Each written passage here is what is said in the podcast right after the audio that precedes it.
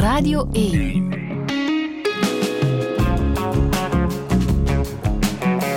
Douche. Met Friede Lesage. Bij het begin van dit nieuwe jaar klinken we op wat is geweest. Met een terugblik op de meest bijzondere momenten uit het touchéjaar 2022. We heffen het glas op alle gasten die vertelden wat hen in het leven raakt. Een herinnering, een ontmoeting, een levensles, maar ook films, boeken en muziek. Vorige zondag was er het eerste deel. In deze tweede episode hoor je muzikante Cella Sou, primatoloog Frans de Waal, dendroclimatoloog Valérie Trouet, stand-up comedian Dena Vadani en schone mensen, zoals Tore Sercu en Arno. Een zeer goede morgen. Het lopen door straten, gewoon zonder doel. Het stilletjes praten,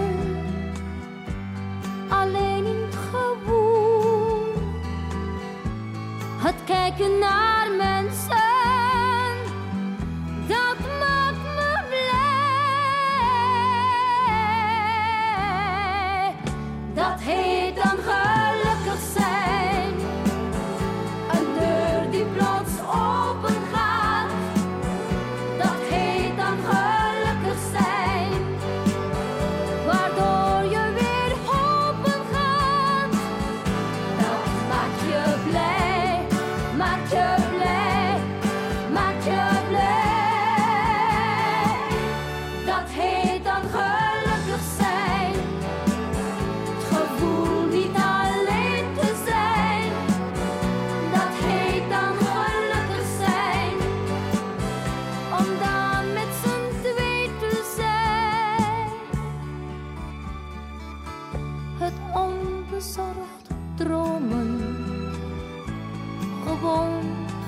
jou. En dat je zal komen het liefste heel gauw je weer te ontmoeten.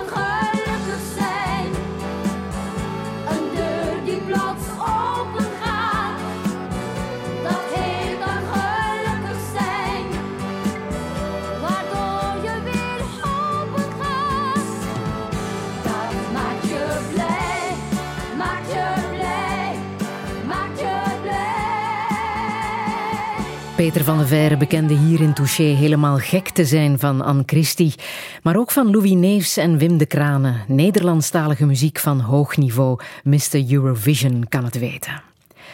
Begin december was psychiater Dirk de Wachter te gast. De man die ons leerde dat een beetje ongelukkig zijn geen kwaad kan. En dat beetje ongelukkig zijn overkwam hemzelf anderhalf jaar geleden. Toen bleek dat kanker zijn lijf was binnengedrongen. Ik vroeg hem hoe hij ontdekt had dat er iets aan de hand was. Ik was eh, in Parijs, ik, was ik ben vaak daar, en dus ik was ook nu toen daar. En ik voelde mij niet... Ik was in het museum eh, van de Centre Pompidou, hè, daar. eh, en ik stond vo- voor de, de wand van André Breton. André Breton heeft zo'n kamertje in de centre. En daar ga ik altijd naar kijken, omdat ik dat een heel bijzonder... Het is bijna een ritueel dat ik daar naartoe ga om te kijken naar de wand van André Breton. En toen ineens voelde ik mij zeer slecht en zeer... eh, ik had ongelooflijke krampen in mijn buik.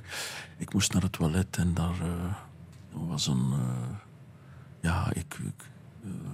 bloedde daar half leeg, dacht ik. Natuurlijk wat overdreven, want bloed dat geeft een zeer slechte indruk. Zo. Enfin, dat was in ieder geval een signaal van er is iets ernstig mis. En dan heb ik van daaruit contact genomen met de artsen. eh, Die ik kende via mijn vrouw ook en zo. En dan zijn de onderzoeken aan de gang gegaan. Heel, heel wat. Dat is altijd een heel gedoe.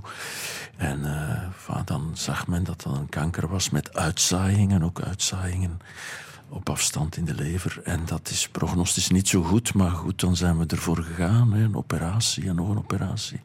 En eh, een hele chemotherapietraject. Zoals zoveel mensen meemaken. Ik moet dat altijd zo toch goed benadrukken. Hoe dat duizenden en duizenden mensen dat meemaken.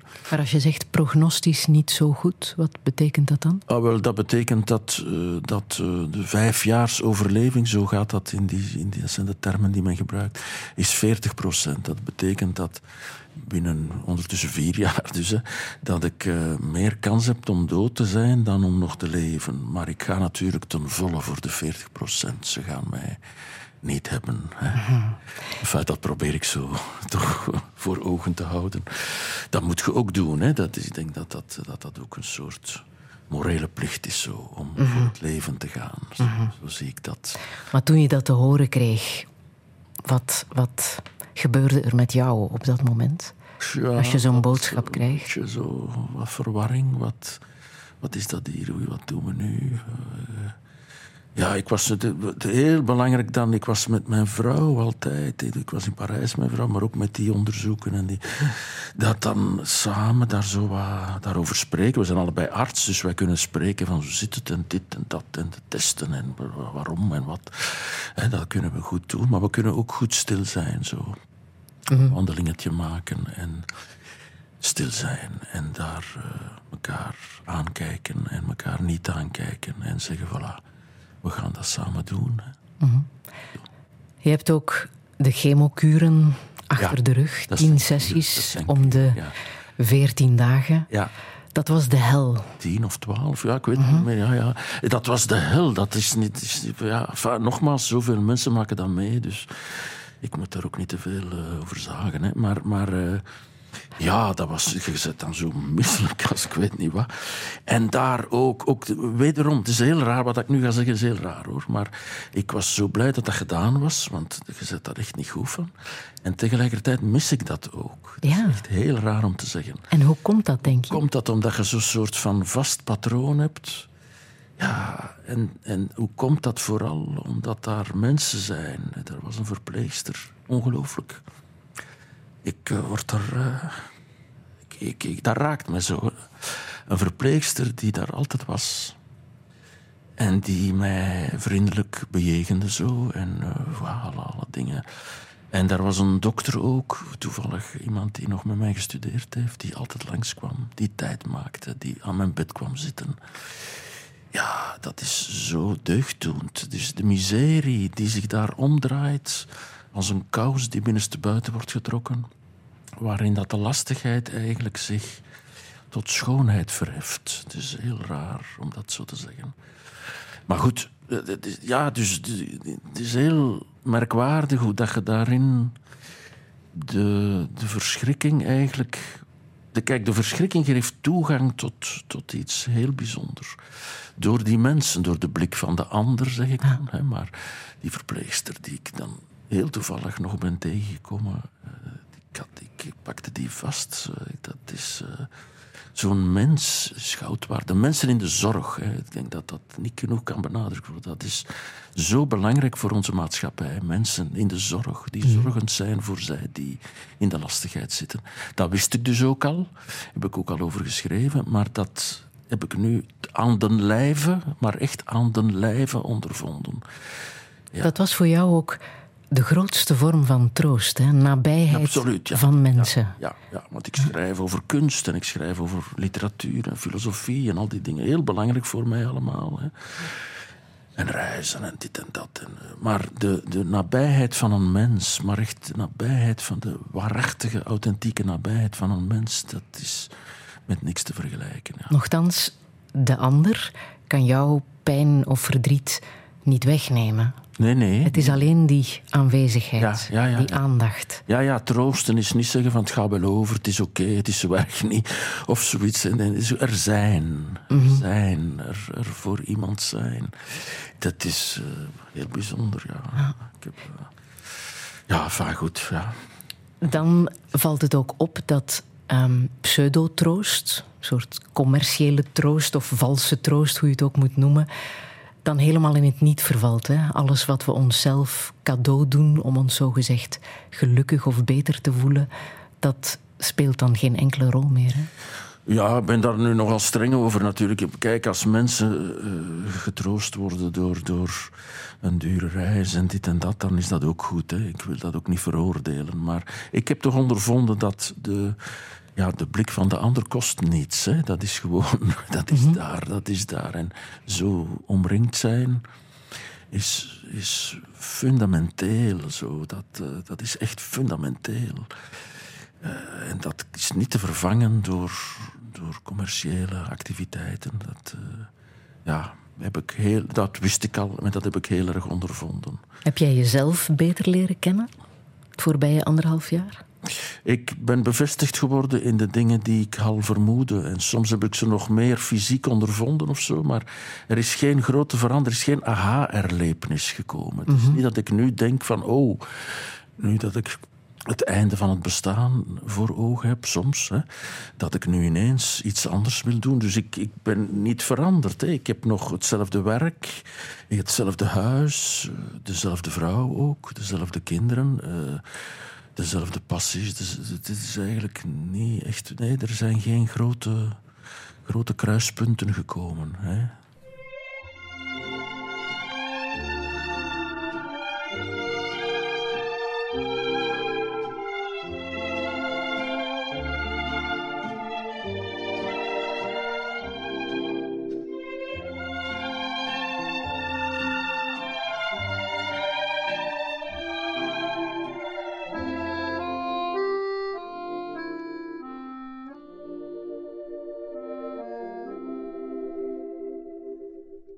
Jour tu verras, l'on se rencontrera quelque part, n'importe où, guidés par le hasard.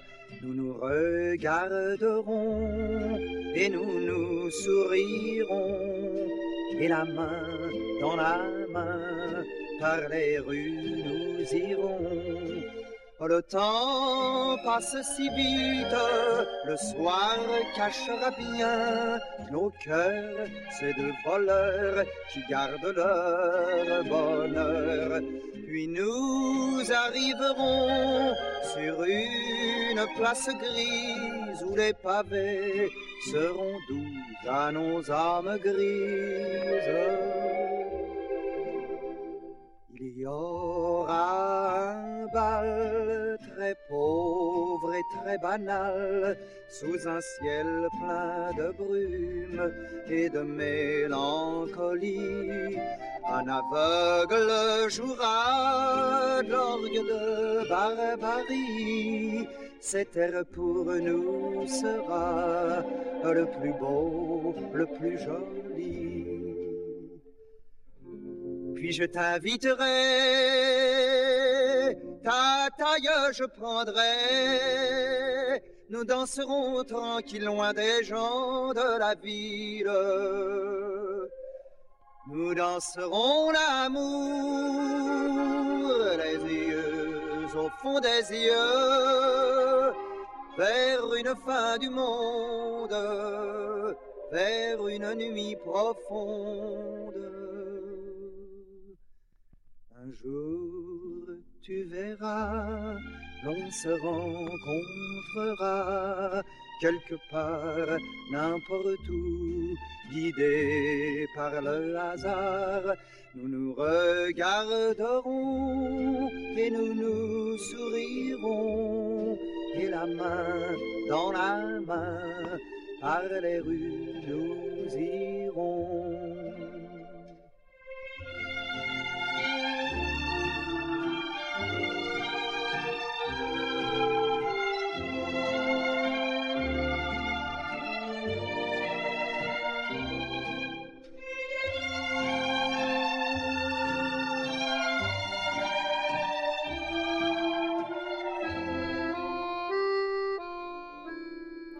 Jour tu verras van Mouloudji.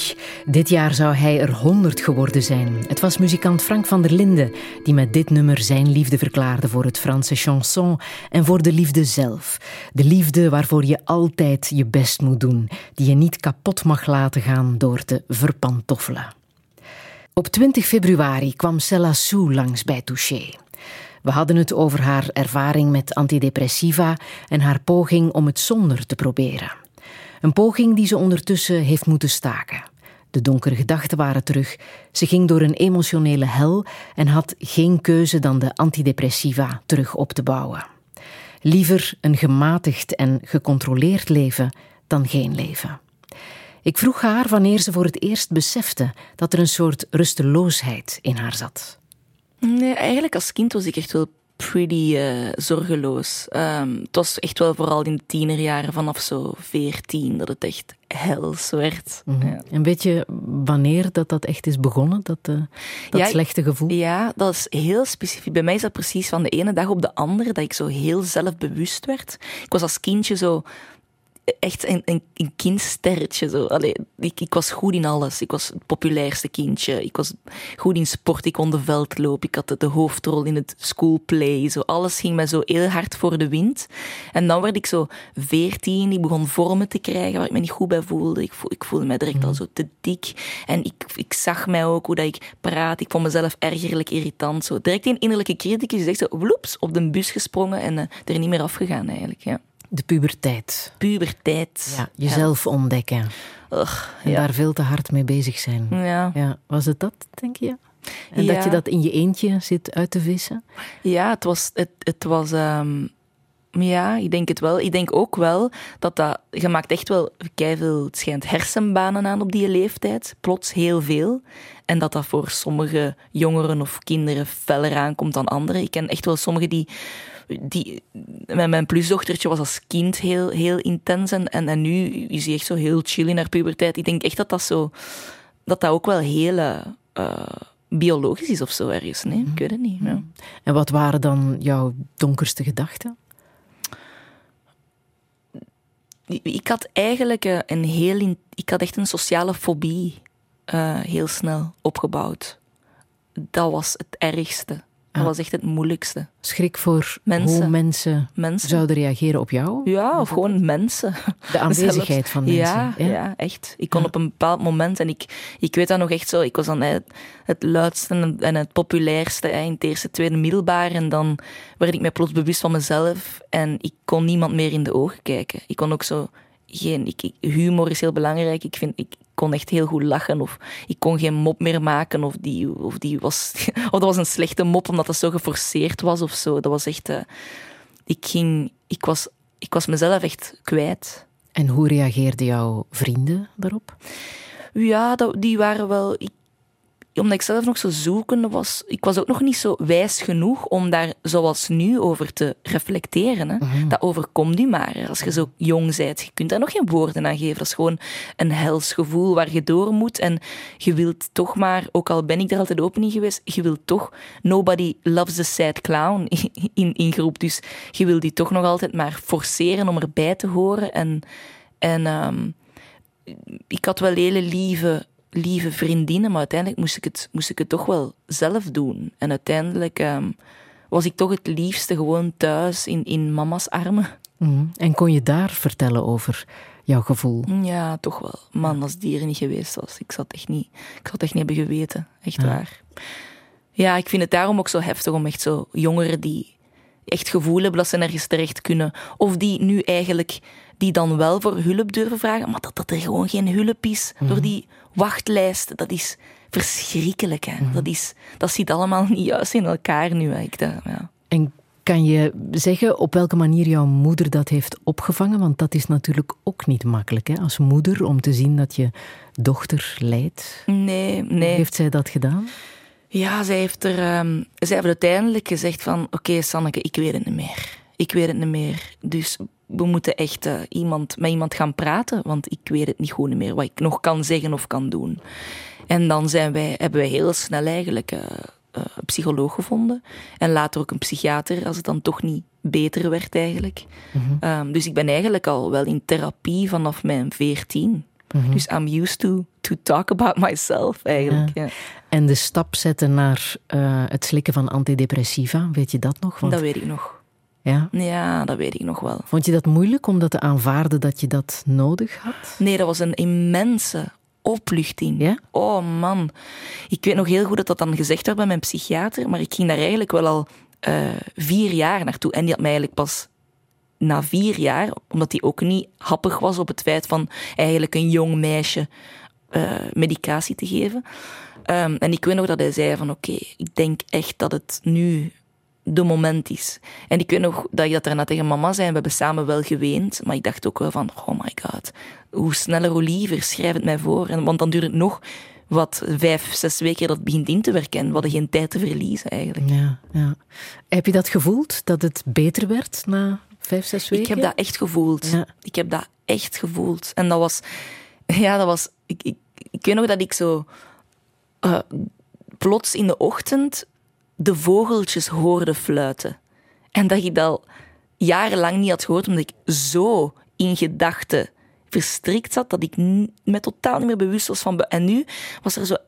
Ik, ik was even rustiger en ik, ik, ik hoorde de vogeltjes terug en dacht, ah, ah, daar zijn ze. Zo, eh, ja, ja, Ja, ja. ja. Ehm, je zegt, ik kom heel erg terecht bij, eh, bij mijn moeder. Hoe zat de relatie met jouw vader op dat moment? Mijn papa ook wel goed. eh. Ehm, die, mijn papa is geen prater. Totaal geen prater. Ehm, Hij had ook wel zijn eigen zorgen. ja, mijn papa heeft ook multiple sclerose. Dus die al, ook al van zijn 28. Ehm, dus ik denk dat die, dat is heftig ook geweest, want dat was een sportman en dat was de trainer van mijn broer. En dat was, eh, dus hij heeft echt wel zoiets van, dit is wel veel om ook nog bij te nemen, wat ik ook begrijp. Maar hij heeft nooit een oordeel geveld. Hij heeft nooit gezegd van, zeg Sanneke, eh, het is genoeg nu. Hè. Nee, hij, heeft, hij, hij, was gewoon de stille aanwezigheid, liefdevolle aanwezigheid. En mama was de outreacher. Zo. Dus, Ja, ja. ja. Heeft het invloed gehad eh, op jou, denk je? Dat het sowieso ja, moeilijk was, denk ik. Hè? Zoveel problemen in één huisgezin, onder één dak. Ehm, invloed op wie ik nu ben, denk je? Of, of hoe het is gelopen. Mm. Misschien net in positieve zin dat er wel werd gepraat bij jullie, door je moeder. Ja, ja. Ja, ik denk het ook wel. Want pas op, ik was niet de enige die erdoor ging. Mijn zus en mijn broer hebben ook echt wel heavy. Het zit echt wel. It In de familie. Ja, ja, ja. Heb je er een verklaring voor? Hoe het... Ja, weet je, ik heb altijd gedacht dat het echt wel heel genetisch was. En dat geloof ik ook wel. Ik geloof dat trauma overerfbaar is. Dat is ook net bewezen, denk ik zelfs. Ehm, ehm, ik geloof echt dat, dat je er toch wel een, een zekere gevoeligheid aan kunt hebben. Aan, aan meer angsten of depressie. Ik ken mijn vriend bijvoorbeeld, die is er totaal niet gevoelig aan. Die is ook gepest geweest, een momentje in de lagere school in het vijfde leerjaar. En die draagt daar nu niks van mee. Die, die is gewoon zelfzeker. Terwijl dat voor mij of voor mijn broer eh, gewoon alles bepaald heeft voor later. Dus sommige mensen zijn gevoeliger aan trauma. En ik zie dat ook bij mijn grootouders. Dat dat, dat, dat echt heel, heel aanwezig is. Ja. You want me to believe you've got all you want. Love the love you're in. You say you've seen every side, but it don't mean anything. And I will always care for you, Millicent. Lay down with me and if you take this graven hand and get up while you suffocating for the likes of me, it became what I feared. As you stand before me now, you appear to disappear. I will always care for you, Millicent. Lay down with me and you take this graven hand and get up while you can. Take me away, Take me away, free from everything you say. Take me away, take me away from the feeling of how we were bound to fall. Suffocating for the likes of me, it became what I feared. As you stand before me now, you appear to disappear. I will always care for you, Millicent. Lay down with me and you take this graven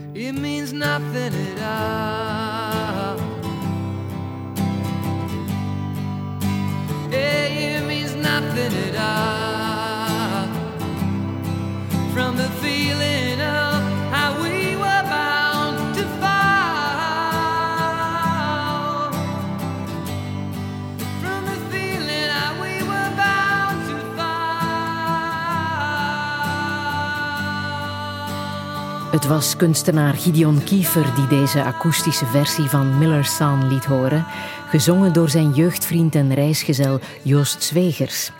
De single zat destijds als geschenk bij het weekblad Humo en bleek de grootste troost bij het verlies van zijn grootmoeder. Ook chef-kok Seppe Nobles heeft een boon voor Joost. Letterlijk zelfs, want hij mocht al een paar keer voor hem koken. Frans de Waal staat bekend als een van de meest vooraanstaande primatologen ter wereld. In Amerika is hij een beroemdheid en geeft hij lezingen voor stampvolle zalen. Zijn hele carrière lang observeerde en bestudeerde hij het gedrag van mensapen. Hoe empathisch zijn ze? Hoe gaan ze om met conflict? Hoe ervaren ze vriendschap? Wat zijn de genderverschillen? En wat kunnen wij van hen leren? In Touché vertelde hij dat mensapen op hun beurt ook onderzoekers observeren. De vrouwelijke bonobos moeten niet veel van mannen hebben. Uh, en uh, ik als man zijnde. Uh, dus, dus er waren bepaalde vrouwelijke bonobos die wel seksueel in mij geïnteresseerd waren. En dan lieten ze hun genitaliën zien en zwaaiden ze naar me en nodigden me uit. Dus, dus er was wel flirtgedrag tegenover mij. Maar ze zagen mij nooit als een soort van medestander of een vriend of weet ik wat. En toen ik, op een gegeven moment had ik een vrouwelijke studente. Die, uh, die werd heel anders behandeld dan ik. Ik kan me nog herinneren dat bijvoorbeeld um, de vrouwelijke bonobos voedsel naar haar gooiden. Zij waren uh, aan de andere kant van de gracht van een of ander verblijf in een dierentuin. En die vrouwelijke bonobos die gooiden voedsel naar mijn student. Zo van, uh, jij moet ook eten. Als wij eten, moet jij ook eten. Dat hebben ze bij mij nooit gedaan. Dus die solidariteit met mij hadden ze niet, nee. Ja, maar vriendschap onder apen, um, wat is daar het doel van, denk je? Apen hebben heel veel vriendschappen, soms ja. levenslange vriendschappen. Ja. Meestal onder mannen of onder vrouwen. Um, en uh, ja, dat is een steun, ge geeft ze steun. Dus voor de mannen is het ook vaak politiek. Ze hebben coalities die politieke gevolgen hebben. En als je dus twee of drie mannen hebt die samen optrekken, kunnen ze uh, meer, meer invloed hebben op de groep. Maar ja, die vriendschappen die, die geven levenslang steun. Het is ook mogelijk bijvoorbeeld bij vrouwen. Dat ehm, we, we, hebben meegemaakt, en dat hebben ze ook geobserveerd in het wild. Is dat als een van de twee eh, vriendinnen overlijdt, dat de andere de kinderen adopteert en, en de kinderen meeneemt. Hetgeen natuurlijk een hele klus is om kinderen van een ander groot te brengen. Mhm. Dus eh, ja, er zijn, zijn serieuze vriendschappen. En we weten ook uit onderzoek in het wild dat als dan een van de twee overlijdt dat de ander dan uh, soms in een depressie raakt. En, en soms ook uh, niet lang daarna ook overlijdt, omdat ze zo gedeprimeerd zijn. U heeft inderdaad wel een paar overlijdens meegemaakt. Hè? Mhm. Zoals eentje die uh, blijvende invloed op uw carrière heeft gemaakt toen u afscheid moest nemen van, van Luid, die op Ja. een gruwelijke manier is gestorven. Ja, die, die is afgemaakt door twee eh, mannelijke chimpansees. eh, in, in een soort van politieke machtsstrijd. En eh, zoals ik er straks al zei, van, eh, dat heeft mij beïnvloed om eh, op conflictoplossing te gaan werken Mhm. en samenwerking. Want Want wat was daar precies gebeurd? Wel, in dat geval, eh Luid was een hele goede alfaman. Een hele populaire alfaman in de groep. Ehm, maar die is op een gegeven moment afgezet door die twee anderen die hem afgemaakt hebben. Die, die, die, die hebben hem s s'nachts een keer gepakt in het, in het nachthok. Toen, toen de hele groep eh, opgesplitst was. S'nachts worden ze opgesplitst in een nachthok. En overdag worden ze bij elkaar gezet op het eiland. eh, of aan Burgers Dierenpark. En die twee andere mannen hebben hem toen gepakt op dat moment.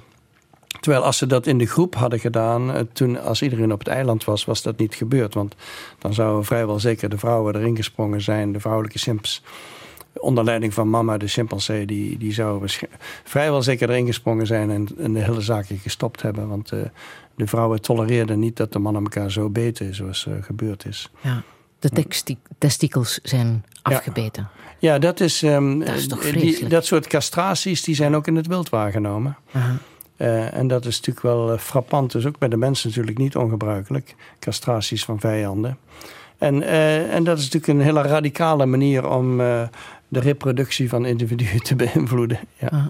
Wat is daar dan op gevolgd? Want Luid is daaraan gestorven. Hij heeft Mhm, dat niet mhm. overleefd. Ehm, die twee mannelijke eh, vijanden van, van Luid, zijn die afgestraft door, door de gemeenschap? Wel, toen, de, toen dat gebeurd is in de nachthokken, toen zijn de volgende ochtend, waren wij aanwezig toen de hele groep losgelaten werd. En eh, die twee mannen die zijn in de boom gejaagd door, door de hele groep, de hele kolonie van 25 chimpansees op dat moment. En die, ehm, eh, die konden er niet uitkomen. Want ehm, die, telkens als ze probeerden uit die bomen te komen, werden ze weer teruggejaagd. Dus het was duidelijk dat de hele groep erg kwaad was op ze. En, en waarschijnlijk wist, precies wist wat er gebeurd was. Want dat konden ze natuurlijk allemaal horen in het gebouw. Ehm, ja, dus... eh, en, en die coalitie is heel snel uit elkaar gevallen, want ze hadden natuurlijk geen gezamenlijke vijand meer. Dus ze hebben samen wel eh, luid eh, ge- aangepakt, maar daarna konden ze niet meer met elkaar overweg. En is er een opvolger gevonden voor Luid? Ja, ja nieuwe op, een gegeven, alfaman? op een gegeven moment is een van hen is Toch wel één, ja. van die twee dan? Ja, ja. Ja. Hoe was het voor, voor u om afscheid te nemen van, van Luid? Ja, die, Hoe neem je afscheid van een aap? Wel, hij is overleden op de operatietafel, dus ik ben niet toe- toegekomen echt aan een afscheid, nee. Ah. Had dat Maar dit, we hebben wel gezien u? natuurlijk, eh, wat afscheid betreft, hebben we wel gezien toen mama de chimpansee overleed. Ja. Toen heeft de dierentuin, eh, zij was ve- 59 op dat moment. Toen heeft, en, en, er- en er is een heel beroemd filmpje van Jan van Hoofd, de professor die haar omarmt. eh, dat op YouTube te zien ja. is, hè? ja, ongeveer, ongeveer twee weken voordat ze, of één week misschien voordat ze overleed. Eh, maar wat de dierentuin toen deed, iets wat de dierentuinen nu steeds vaker doen in feite, is dat ze het, het lijk van mama beschikbaar maakten aan de groep. Vro- Vroeger werden, eh, was een dood, werd een dood dier gewoon eh, weggeruimd en, en dat was het. En nu weten we dat voor heel veel dieren, maar zeker voor mensapen, olifanten, dat soort dieren, eh, dat ze mm, eh, een, een periode nodig hebben om afscheid te nemen van iemand die eh, overleden is. En ook om, om te zien dat ze, dat, ze, dat ze zeker zijn dat iemand overleden is. En dus de dierentuin maakte dat lichaam beschikbaar. En de groep reageerde, zo- zoals altijd, chimpansees zijn doodstil. Als ze, als ze, als een, een, dat is niet typisch voor de soort. De soort is eigenlijk heel luidruchtig. Ze zijn doodstil en dan benaderen ze dat lichaam. Maar wat de mannen deden was... ehm, proberen het te reactiveren en erop te springen en het weg, weg te trekken. Het, hetgeen natuurlijk niet ongebruikelijk is, ook bij de mensen in de ziekenhuizen hebben we ook reanimatiepogingen van uh, mensen die uh, overleden zijn en zo. Dus dat, dat is wat de mannelijke chimpansees deden, een soort van reanimatie om te kijken of ze wel echt dood was. En wat de vrouwelijke chimpansees deden was ook wel interessant, is dat ze luisterden aan haar mond, waarschijnlijk om te kijken of er uh, geademd werd. en dat ze een, een arm oplichten en lieten vallen, om, ook, ook waarschijnlijk aan het uittesten of ze wel echt dood was. En um, erg beïnvloed door uh, haar overlijden. Rouwen ze? Ja, want ze zijn gedeprimeerd soms uh, voor weken. Uh, zeker voor dagen lang dat ze misschien niet eten. Um, we hebben laatst gehad een, een vrouwelijke chimpansee in diezelfde groep. Die had een miskraam. En uh, toen hebben we gemeten wat er gebeurde op de dag van de miskraam en de dagen daarna. En op de dag van de miskraam kreeg ze enorm veel uh, vriendelijke klopjes op de schouders en kussen van, van iedereen in de groep, niet alleen haar, uh, haar vriendinnen. En, en voor een maand lang had ze, werd ze veel vriendelijker en aardiger behandeld door de anderen dan, uh, dan voorheen. Dus um, die chimpansees die hielden daar soort van rekening mee dat dat, dat een, misschien een ingrijpend iets was voor haar.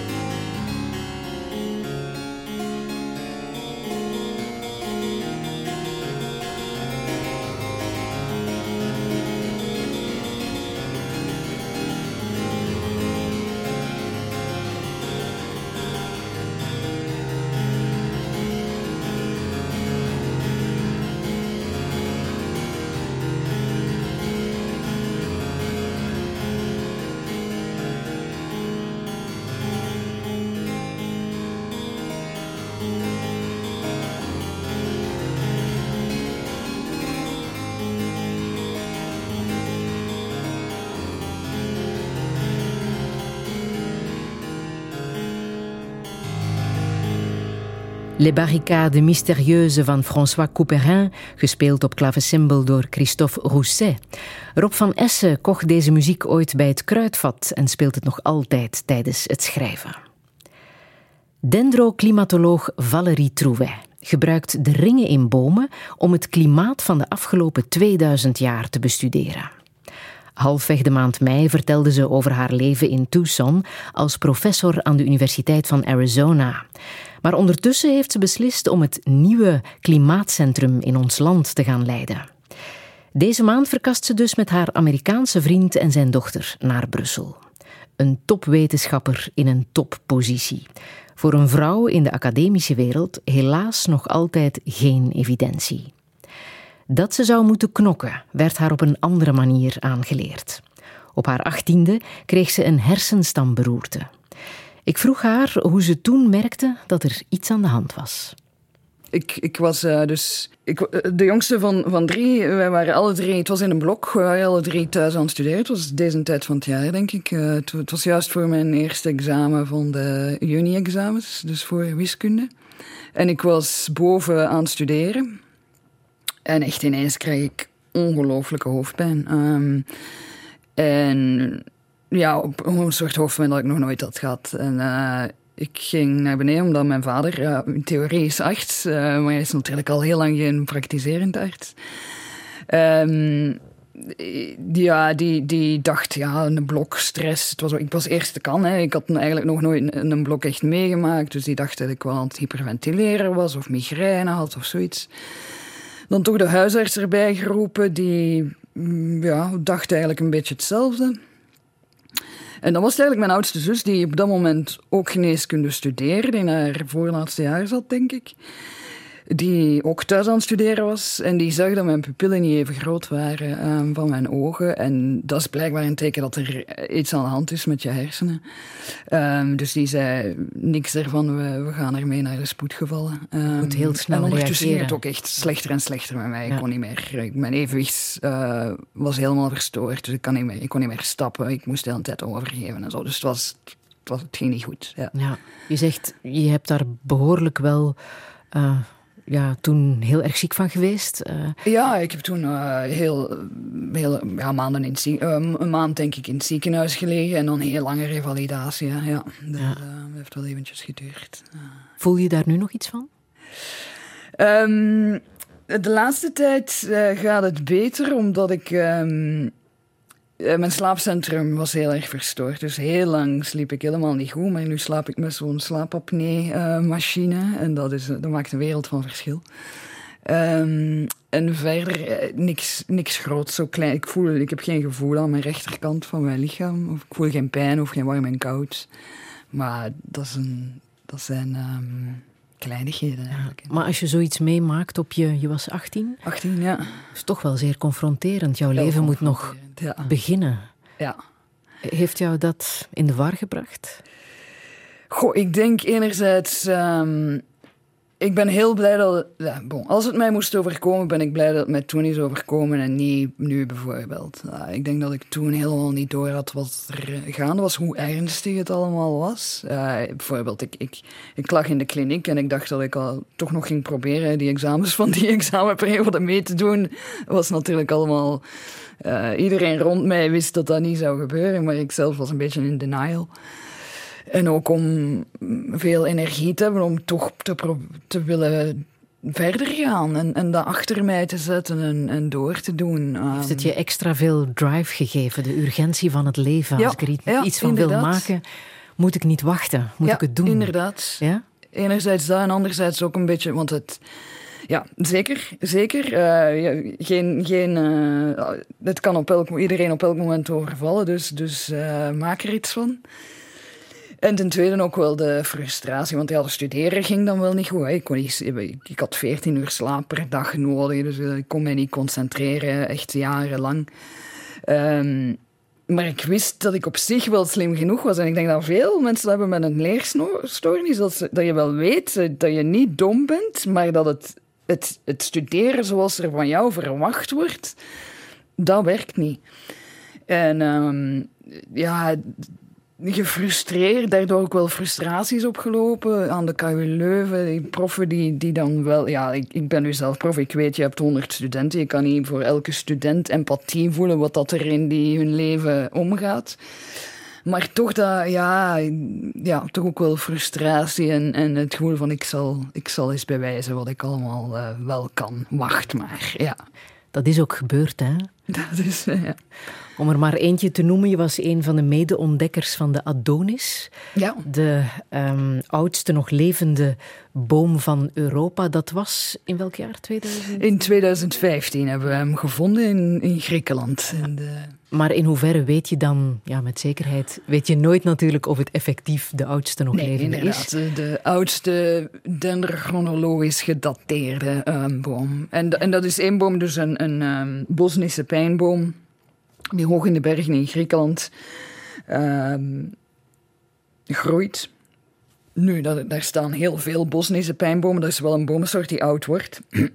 Adonis was da- trouwens 1075 jaar oud in 2015, dus een beetje ouder al ondertussen. Um, en we hebben daar natuurlijk niet elke, elke boom aangebo aangeboord. Dus er is waarschijnlijk ook, zijn er nog wel nog oudere bomen. Maar dit, dit is de oudste die we... Ja, en dat aanboren, dat gaat effectief met een, met een boor, hè? Ja, met een handboor, ja. En die moet lang genoeg zijn. En die moet lang genoeg zijn, ja. Afhankelijk van welke soort boom, zodat je in de kern van de, van de boom geraakt. Ja. Ja, ja. Gaat het... ehm, het gaat niet alleen over die ontdekking natuurlijk, maar over wat je daaruit kan aflezen. Ja, inderdaad. Natuurlijk, hoe ouder de boom, hoe langer de geschiedenis die je, is die je kan bestuderen. En die bomen in... eh, we hebben veldwerk gedaan in Griekenland, in Bulgarije en in Albanië. Ehm, die bomen daar, ja, die, die gebruiken we om onderzoek te doen naar de straalstroom. En hoe dat die eh, in het verleden veranderd is eh, over Europa. Ja. Ja, en dat is indrukwekkend, hè? Wat je daar ook over ontdekt hebt. Ja, en ik vind het vooral eh, indrukwekkend dat je eigenlijk de straalstroom is, eh, zijn eigenlijk de winden die heel hoog boven het aardoppervlak, op 10 kilometer boven het aardoppervlak waaien. Maar die hebben belangrijke invloed op het klimaat aan, op het weer aan het aardoppervlak.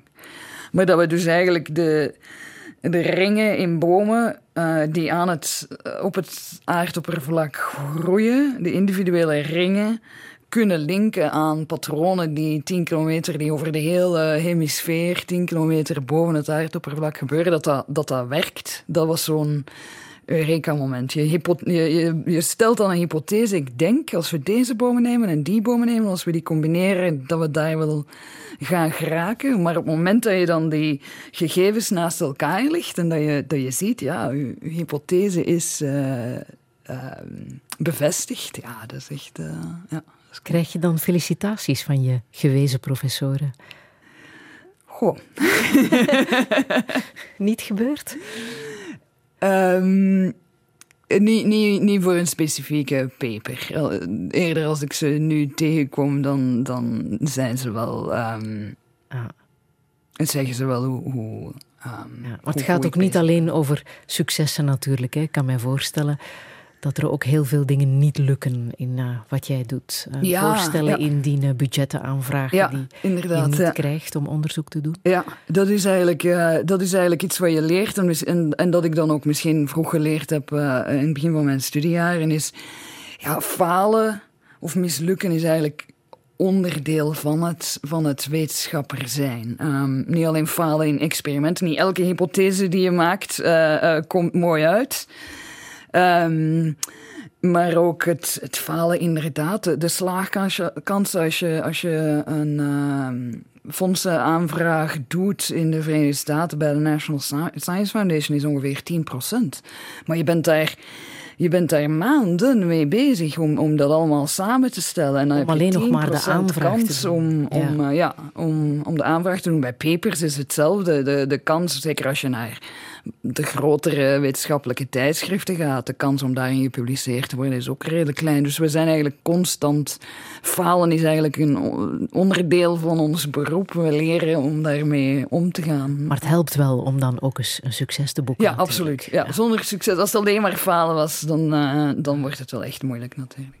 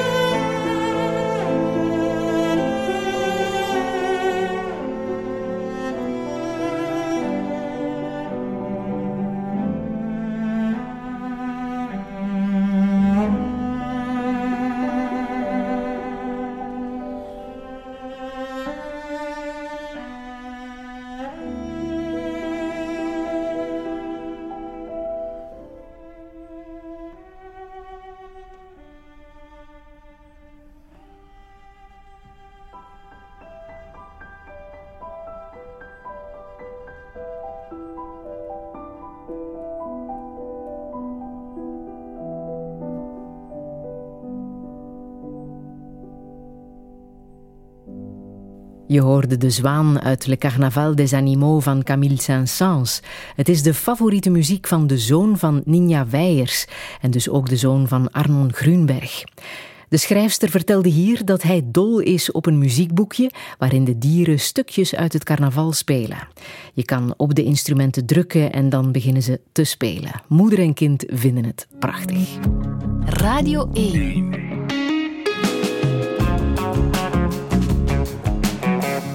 Douche. Met Friede Lesage. We toosten op het nieuwe jaar met een terugblik op het voorbije touchéjaar en de bijzondere zondagen die er zijn geweest. Zondagen waarop we kennis mochten maken met Tore Sercu, inzicht kregen in het leven van stand-up comedian Dena Vadani en afscheid namen van Arno.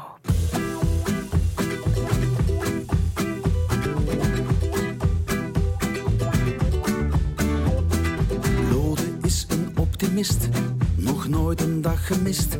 In de week om zes uur op, met de fiets naar zijn job. Lode veegt de straten schoon, voor een middelmatig loon. Hij veegt grondig, doet dat goed, klagen zit niet in zijn bloed. De zon schijnt en de lente lucht door onze lode deugd. Vol moed staat hij de winkelstraat te vegen. Want gisteren in het ziekenhuis zei dokter van der jeugd. Uw vrouw leeft zeker nog een maand of negen.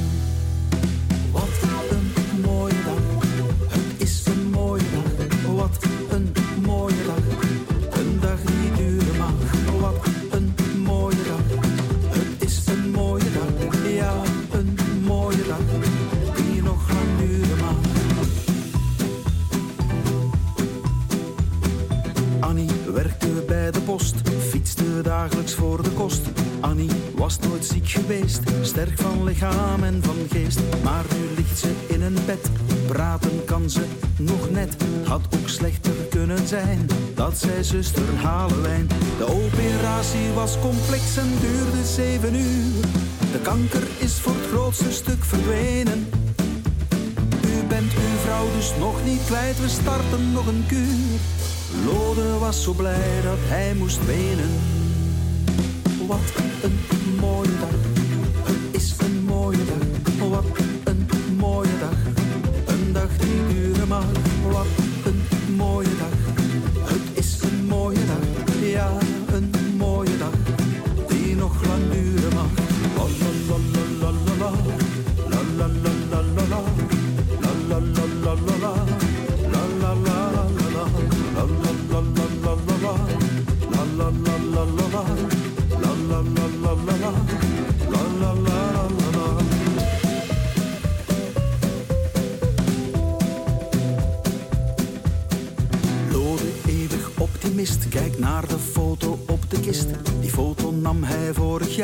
Mooie vrouw met krullend haar. Annie koos die foto zelf, van op haar bed in kamer 11. Ze zei, ik wil geen half werk, draai maar hazes in de kerk. De zon schijnt en de lente lucht door onze lode deugd. Er is veel volk naar kerkhof meegekomen. Heel wat collega's van de post, ook dokter van der jeugd. Voor het afscheid van het meisje van zijn dromen. Wat een mooie dag,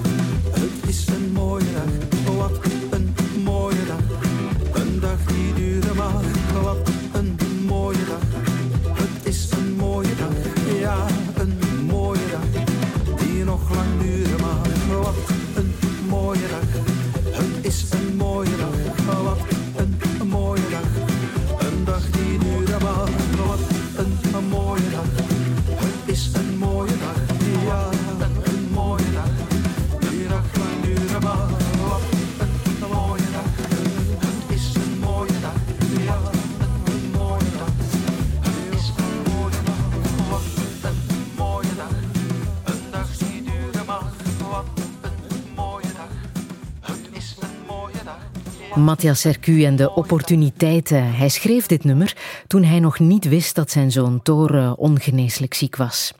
Tore is 24 en kreeg vorig jaar de diagnose van een zeer zeldzame kanker.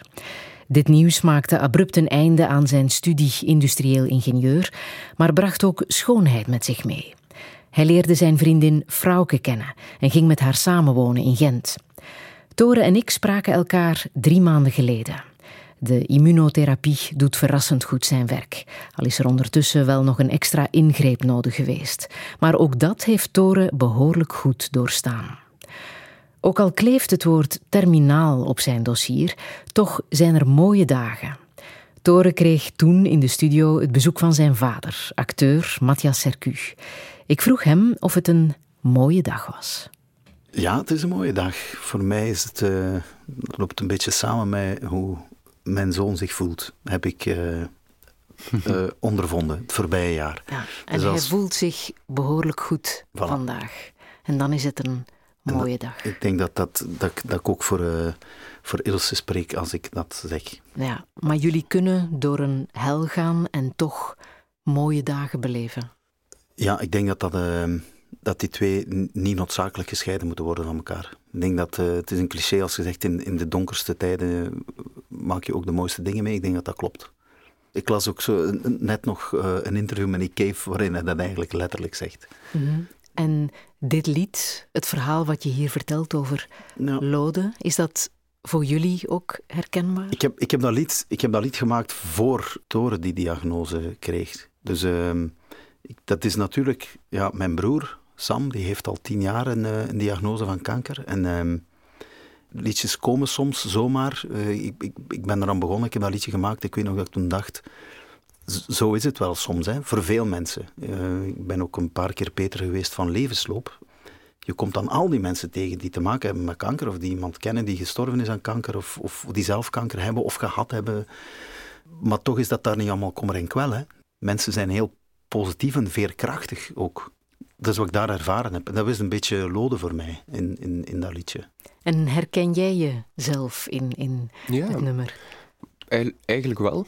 Ik herken mezelf niet constant. Als in, ik, ik herken mezelf op momenten. Ik ben niet die optimist de hele tijd. Zeker niet. Ik zeg niet dat Lode dat is natuurlijk. Maar ik herken mezelf daar wel in. Ik zeg het, het is, het is gelijkend voor mij. Dat doet mij direct aan denken aan het moment dat ik nog niet wist dat het er allemaal gaande was. En ik vroeg, heb ik nog een maand? En dan, we denken van wel, oh, oké, okay. hey, ja. het is zo relatief allemaal. En, en... Maar de lichtpuntjes, die worden intenser, is het dat? Er zijn heel veel heel intense lichtpuntjes geweest, ja. Ja, en dat kan zo absurd zijn als voor mij was dat terug de tuin zien, terug buiten een, een kinderspeeltuin zien. Dat was een lichtpuntje. Ja. Een, een ijsje eten terwijl ik Marsman keek. Ach, dat was de hemel. Ah. Zo, zo allemaal dingen, ja. Zeer speciaal, maar inderdaad heel, heel intens. Positief ook heel vaak. Ah. En ja, je, je wordt wel echt met je voeten op de grond gesmeten, hoe dat zou ik zeggen. Het nummer is nu voor het eerst op de radio te horen geweest in avant-première, want hij wordt pas deze week gereleased.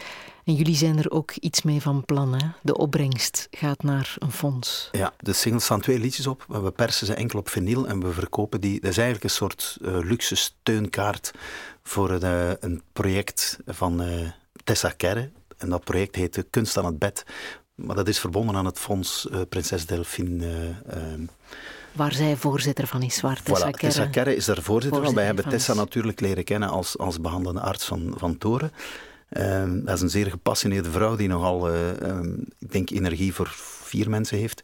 Maar een van de dingen die ze, waar ze echt mee passioneerd mee bezig is, is dat project uh, Kunst aan het Bed. En uh, dat is eigenlijk um, ja, om de mensen iets toch ja, binnen die ziekenhuismuren, binnen zo'n traject, een beetje iets, iets te kunnen bieden van troost en kunst. En is het voor jullie ook het gevoel, wij willen ook iets kunnen teruggeven aan die ja, absoluut. arts die ja. zoveel heeft gegeven, alles heeft proberen te geven? Ja, voor mij is dat zeer zeker zo. Uh, de, van het ene kwam het andere. Hè. Je hebt dat liedje gemaakt en plots zit je zelf in zo'n verhaal. Uh, plots word je dagdagelijks uh, daarmee geconfronteerd.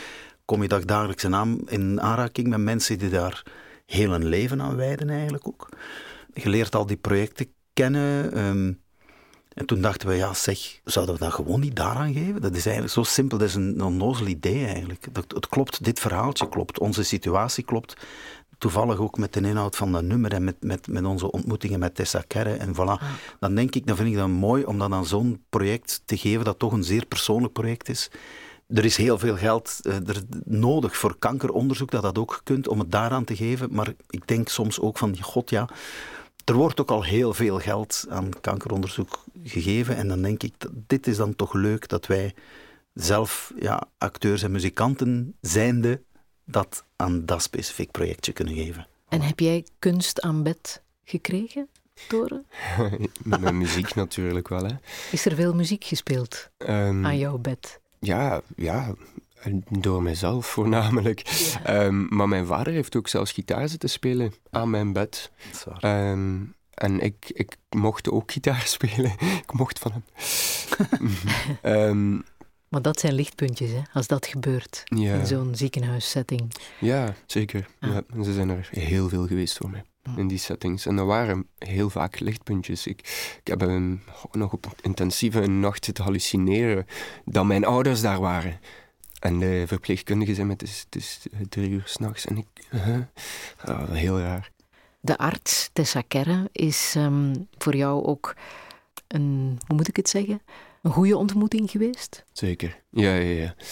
Die volgt mij en die kan heel makkelijk op het level komen van, van haar ja, patiënten, denk ik dan. Waarom klikt het tussen jullie, denk je? Ah, Ik denk omdat zij gewoon een heel goede arts is. Wat is volgens jou een, een goede arts? Ehm, ja, ik, ik- zou zelf geen idee hebben op vlak van het eh, proberen genezen van mensen en, en proberen onderhouden van, van wat dan ook nog, leven. maar voor mij voelt het als een bijna meer goed persoon die ook blijkbaar een goede arts is. En veel deelt en omdat ik daar graag naar luister en, en communiceert met mij en aanvoelt. En zij heeft ook empathie en zij heeft sympathie en zij, zij voelt aan. Ja. En daarom is zij voor mij een betere arts dan een andere arts die ik tegenkom. Er zijn er vele goede wel hoor. Het is een talent ook, hè, om, om met mensen te kunnen omgaan. Gewoon. Ja, en zij wil ook heel graag dat je begrijpt wat er precies Nee, ik wil dat. gaande is. Ik wil heel graag Jij begrijpen wat er gaande Ja. is. En zij laat dat volledig toe. En zij legt het uit. Als ik meer wil weten, dan moet ik... Allez, ik, kan, ik kan haar bellen praktisch om te vragen van... Hoe zit het nu eigenlijk met die soort cellen? En nee, nee, nee. Ik ben leergierig, zeg maar. En zij is er alleen maar blij om. Ik heb haar gebeld om te vragen hoe het was om jou als eh, Oh, patiënt te hebben. Dag Toren. Ik spreek dit bericht in op de dag dat je 24 wordt. Een verjaardag waarvan we vreesden dat je die niet zou halen.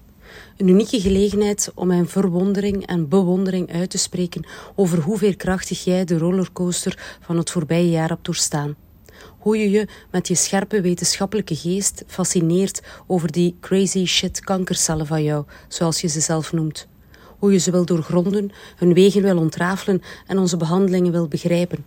Hoe je erin slaagt geen leidend voorwerp te zijn, maar mee aan het stuur zit en in je hoofd dat zo helder denkt, wetenschappelijk onderzoek voert en ons uitdaagt met je spitsvondige vragen. Hoe open je communiceert. Hoe humor, ondanks alles, in onze gesprekken sluipt, hoe zwaar die ook zijn. En hoe we soms moeten lachen. Hoe je altijd die sprankel weet te vinden, dat licht. Ik denk dat dat komt omdat je zo graag wordt gezien en omdat je zelf zoveel mensen graag ziet. Touché. Tessa Kerre. Amai. Ja. Nee. Is het zo dat het de liefde is die maakt dat je dit allemaal aan kan? Ehm, ik, ik, ik geloof dat mijn omgeving is die maakt dat ik zo veerkrachtig ben. Maar ik ben ook geïnteresseerd in ehm, psychoanalyse. En daar wordt letterlijk ook zelfs gezegd dat bijvoorbeeld veerkrachtigheid dat dat meer aan de ander ligt dan aan, aan uzelf. Dat dat eigenlijk geen term is van jij zijt, jij zo sterk of zo. Een eigenschap die je meekrijgt. Maar ja, heel veel dingen werken zo natuurlijk. Een eigenschap die, die gecreëerd wordt door de veiligheid en wat dan ook nog, die ik heb bij mijn gezin bijvoorbeeld, bij mijn lief, bij mijn vrienden, bij, dan ben ik veerkrachtig. Maar ja, zij zijn mij eigenlijk aan het steunen. hè. Wat denk jij, Matthias? Wat maakt iemand veerkrachtig? Ik denk dat wij elkaar veerkrachtig maken als dat... Ik denk dat dat een beetje dat is. Mhm. Allee, het, is het, is een, het is een boetade om te zeggen...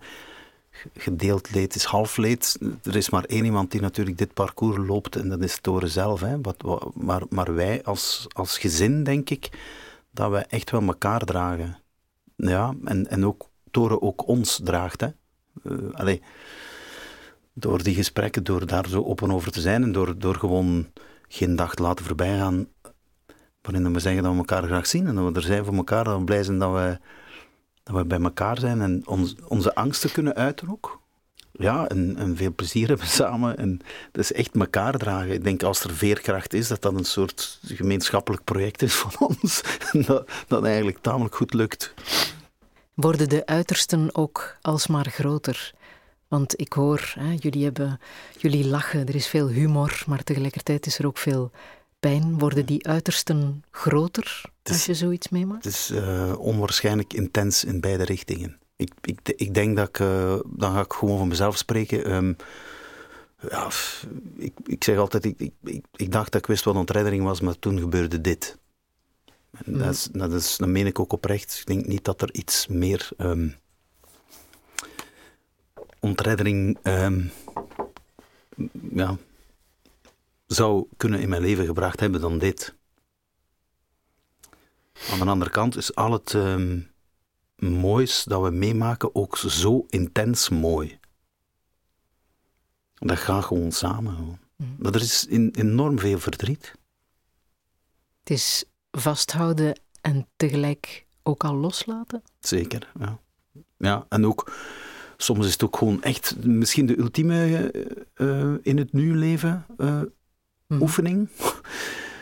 Verschrikkelijke oefening, maar eigenlijk is het dat ook wel. Want je kunt, je kunt niet anders dan gewoon nu te genieten. Kijk, we zitten hier samen in de studio, dan moeten zeggen van wauw, hoe fantastisch is dat.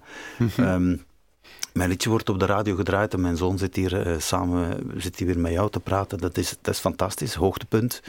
Leuk, tof. en ook weer, eh, ja, je zit er ook weer over het leven te praten en over, over al die dingen. Dat is ook weer intens. Als je te veel nadenkt, in ons geval dan, dat is een heel ander verhaal voor hem. Aan later, dan, dan word je gek natuurlijk en dat gaat niet.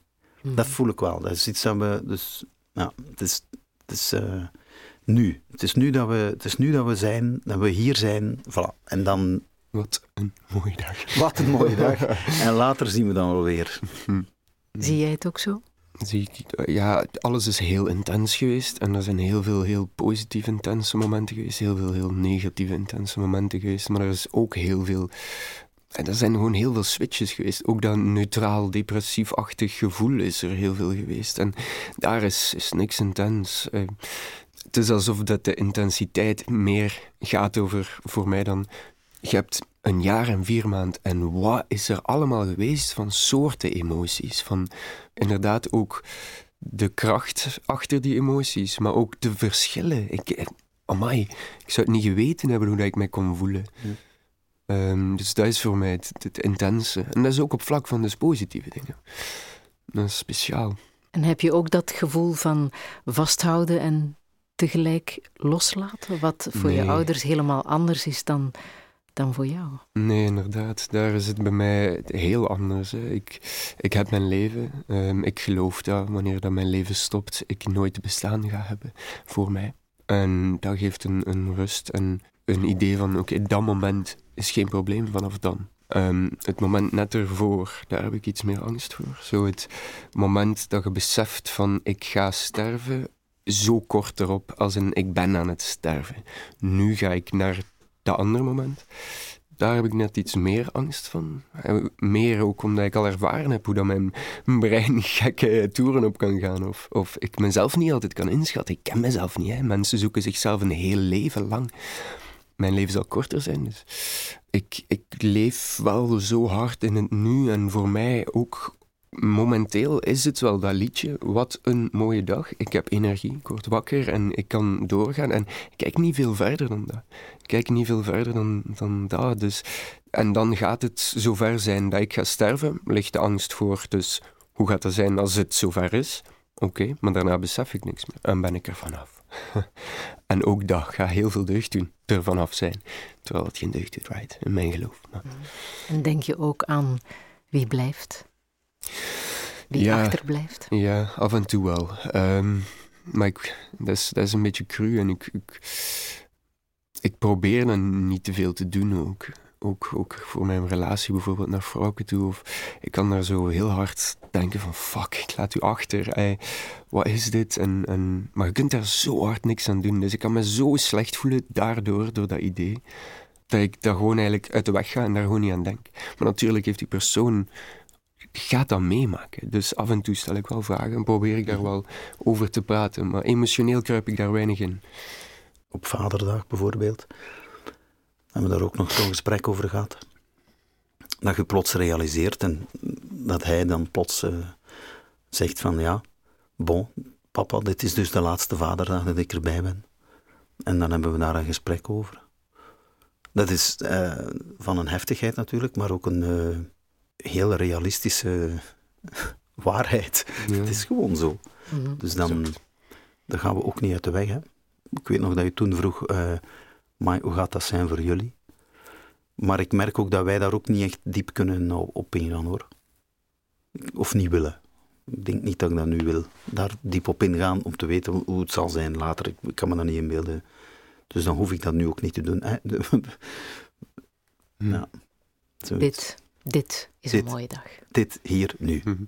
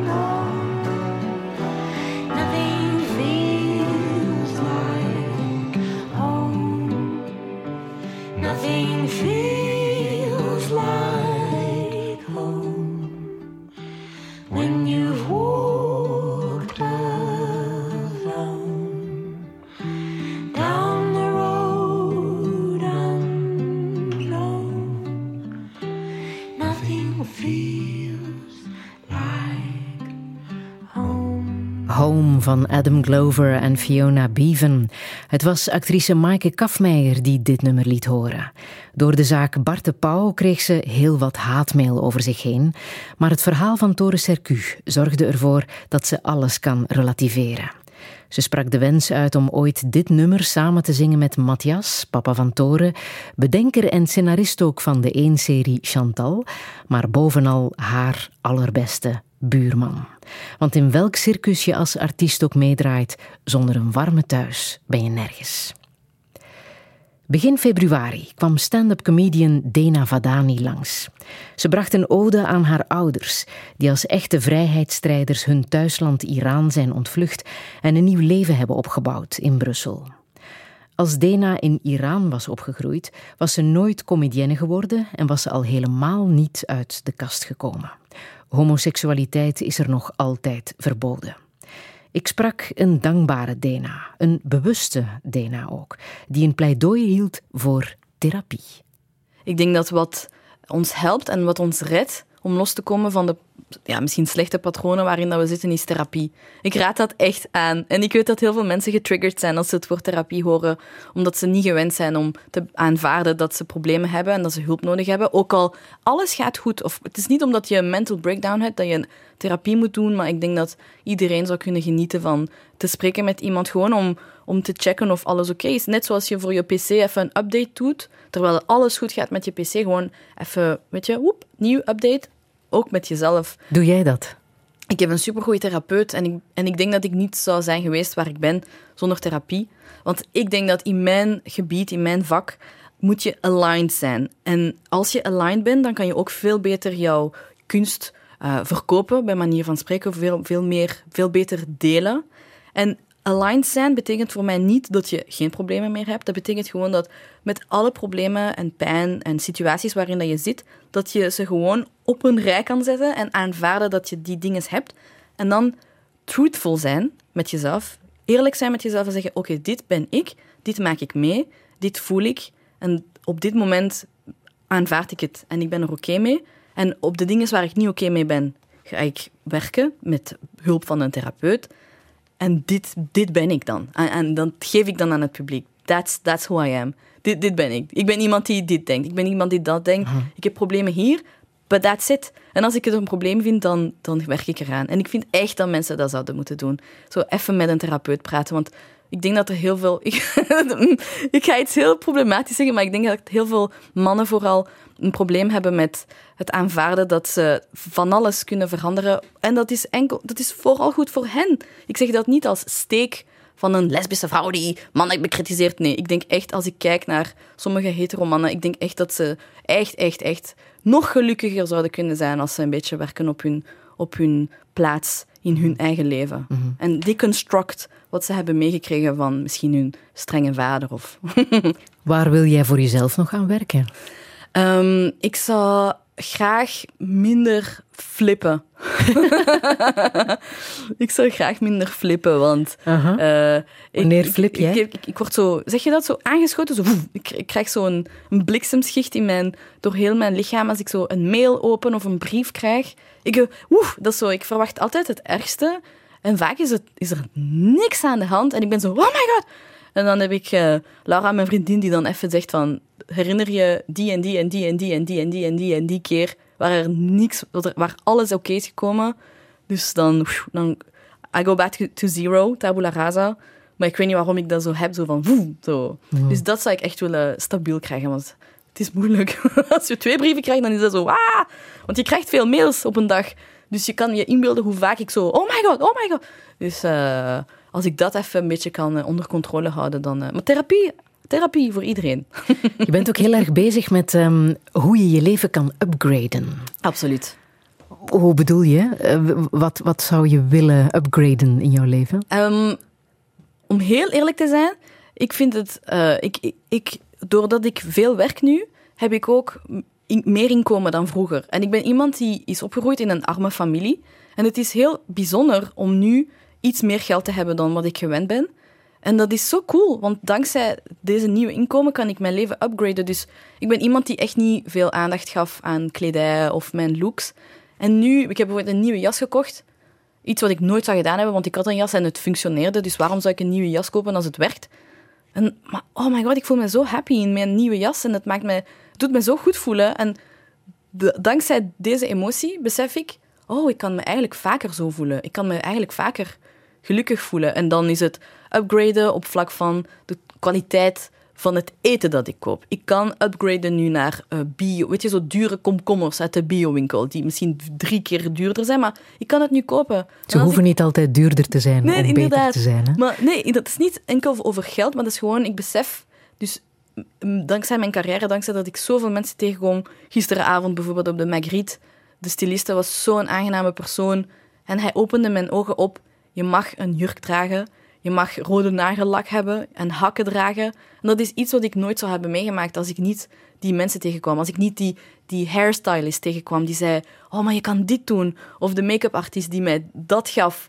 Of de, ik weet niet, al de, de mensen die na een show komen zeggen van, oh my god, je show heeft mij ontroerd, dank je voor dit. Of ik wil met mijn ouders naar je show komen, en om, om, omdat ik ook lesbisch ben. En dan wil ik hen ook mijn coming out doen. En dat is dank je, want jij opent een beetje die weg voor mij. En dat is zo gewoon evolueren naar beter, omdat we dat allemaal verdienen. We verdienen allemaal om gelukkig te zijn. Gaat dat ook over de manier waarop je leeft, woont? Eh, Ja, ja ook. ook. Eh, ik woon op dit moment nog op een, in een minuscuul klein appartement.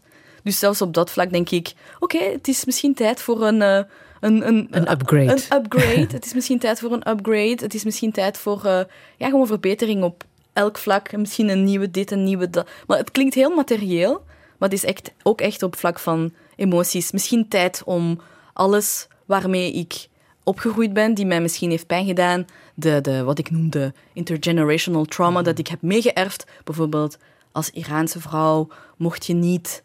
Is het heel taboe om, om, om je vrouwelijkheid te tonen? Boom. It's time for me to shine.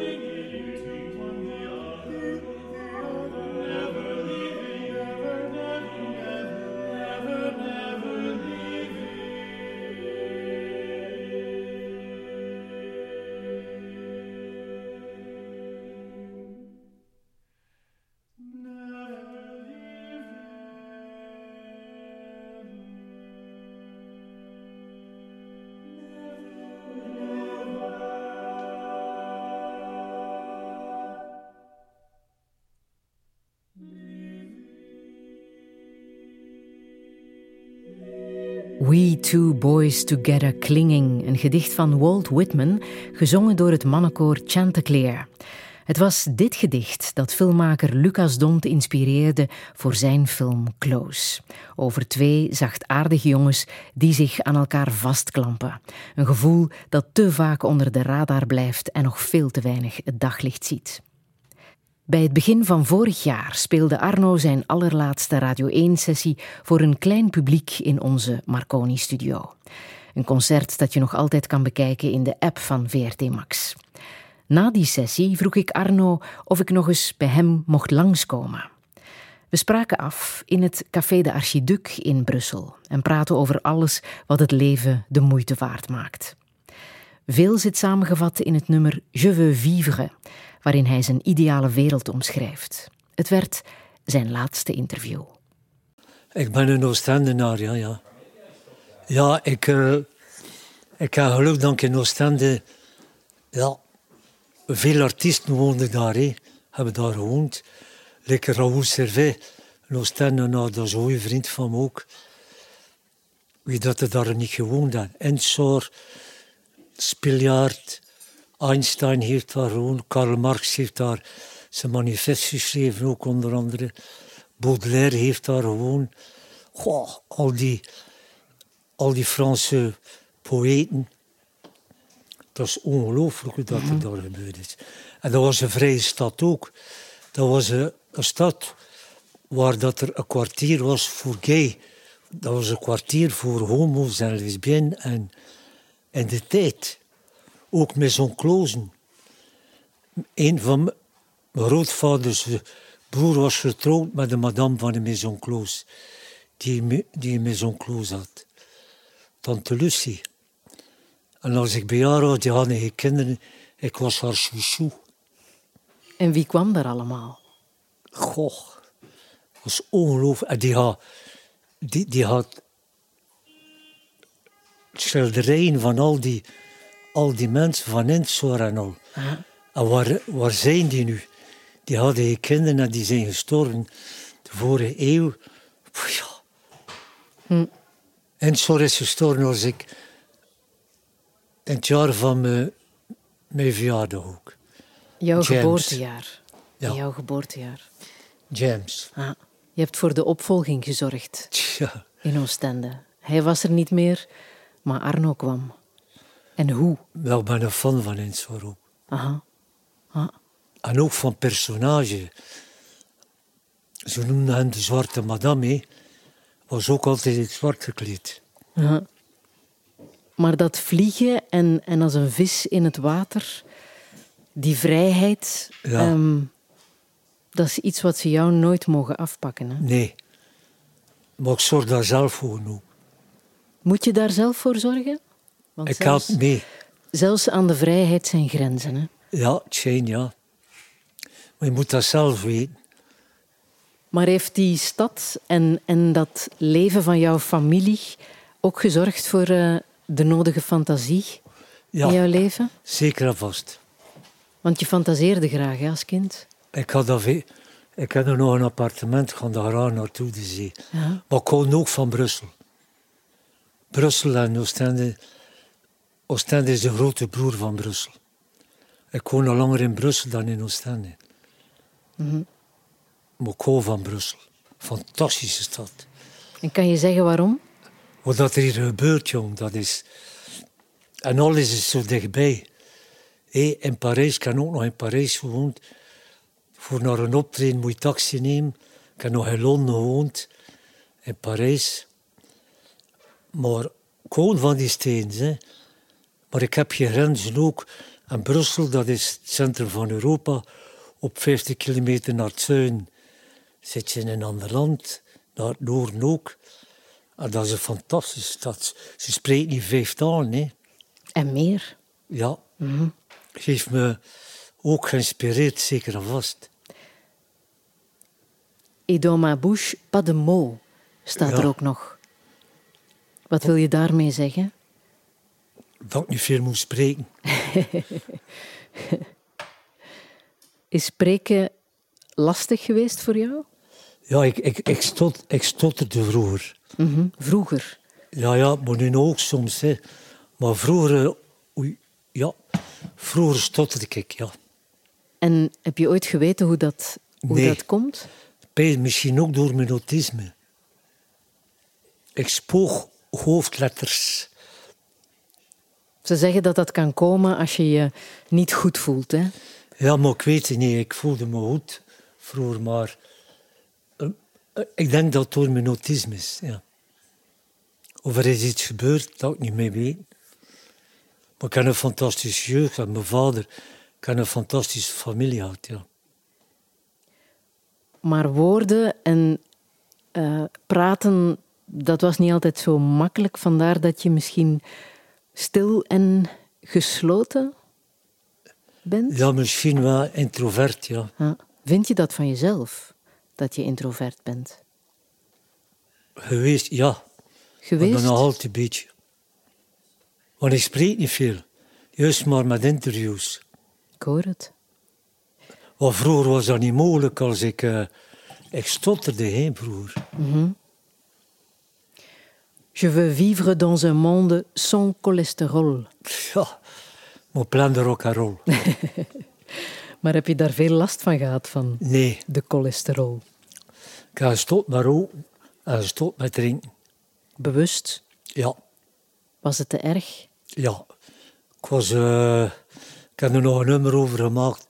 Lady Alcohol. Ze is er ooit wel geweest. Ja, En heel erg. ja. Hoe ver ging dat dan? Iedere dag. Maar ik besefte dat niet. Ik ben content dat het gedaan is. Die katers, amai. Mhm. Goh. Was het moeilijk om te stoppen? Nee. In één keer, tjak, gedaan. Maar zoals als ik op tournee was, dronk ik niet. Geen, geen alcohol, nee. Had je een sterke discipline dan? Het schijnt, ja. Dat was nog altijd belangrijker. Goed kunnen muziek spelen. Ja, mooi. Ah. Had jij een voorkeur voor ehm, een gezonde geest of een gezond lichaam? Alle twee. Heb je ook altijd goed voor, eh, voor je lichaam gezorgd? Voor je conditie? Nee, ik kan geen jo- jogging, maar ik heb vroeger veel sport gedaan als ik jong was. Voetbal, competitie, zwemmen, karate. Karate ook? Ja, en jiu-jitsu heb ik ook gedaan. Ja. Mijn onkel was leraar in, in jiu-jitsu. En kon je dat goed? Het schijnt, Ja? Niet zo gemakkelijk, hè? maar ik was nog jong, ik vond dat, ik vond dat creatief. Het lichaam van mensen, ja. Je veux vivre dans un monde où on doit pas chercher la beauté. Ja, De schoonheid. Het is beter als we daar niet moeten naar zoeken. ja. En wat is voor jou schoonheid? God, dat kan ik moeilijk zeggen. Dat, dat bestaan er geen woorden voor voor mij. Ik voel dat. Je voelt wat schoon is. En dat kan in alles zitten? Ja. In de ogen van iemand. In de ogen van een hond. Spiljaard. Ja. Het licht. Kan schoonheid jou ook doen eh, eh, ontroeren? Ja. Huilen zelfs? Ja, maar huilen niet, nee. Maar eh ontroeren wel. Huilen niet. Zie me een lach en een traan. Maar ben jij een huiler? Nee, Totaal niet? nee, nee. Nee? De tranen heb je niet meegekregen. Eh, Juist, maar eh, eh, ik, soms had ik dat met, als mijn vader er niet meer was. Een vriend, ja, dat heb ik. Aha. En van geluk ook wel. Mhm. Ja, met mijn kinderen, ja. Je veux vivre dans un monde où on ne doit pas chercher la vérité. Ja, Wat is dat de waarheid?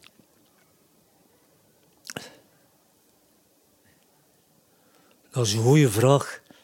De waarheid is wat er gebeurt.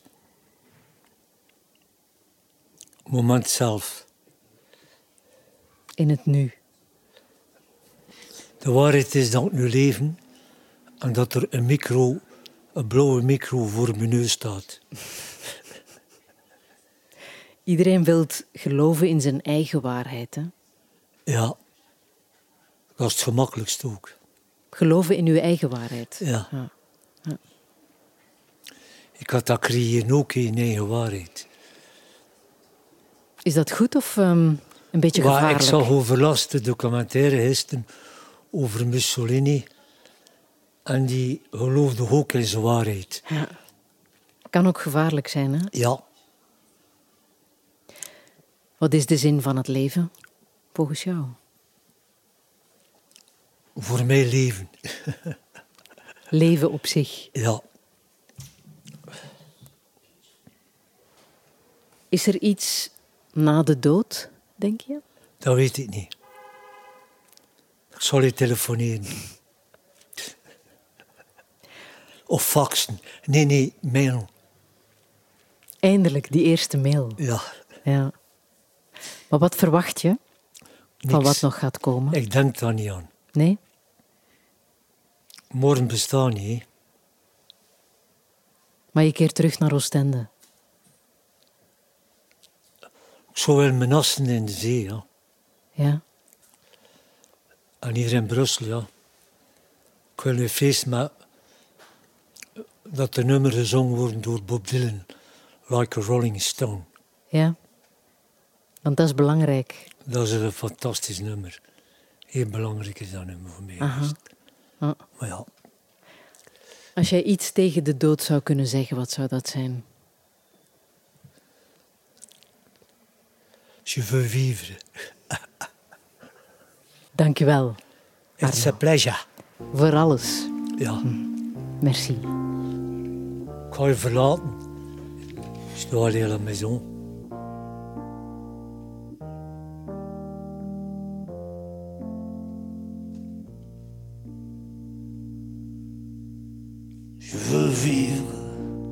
Dans un monde sans jalousie, sans amant, et où les pessimistes sont contents. Je veux vivre dans un monde sans papier, et où mon foie arrête de pleurer.